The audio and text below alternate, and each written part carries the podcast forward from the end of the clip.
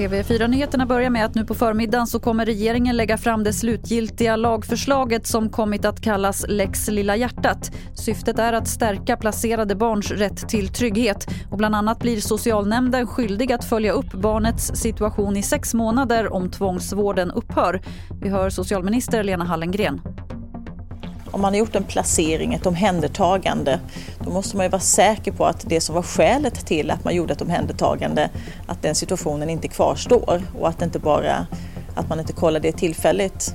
Ett annat viktigt förslag det handlar just om drogtester, möjligheten att göra en drogtest som ett exempel på att försäkra sig om att till exempel missbruk har upphört. Idag kommer domen mot en man som körde på en familj i hög fart på Öland sommaren 2020. En kvinna i 45-årsåldern och hennes ena son omkom i kraschen.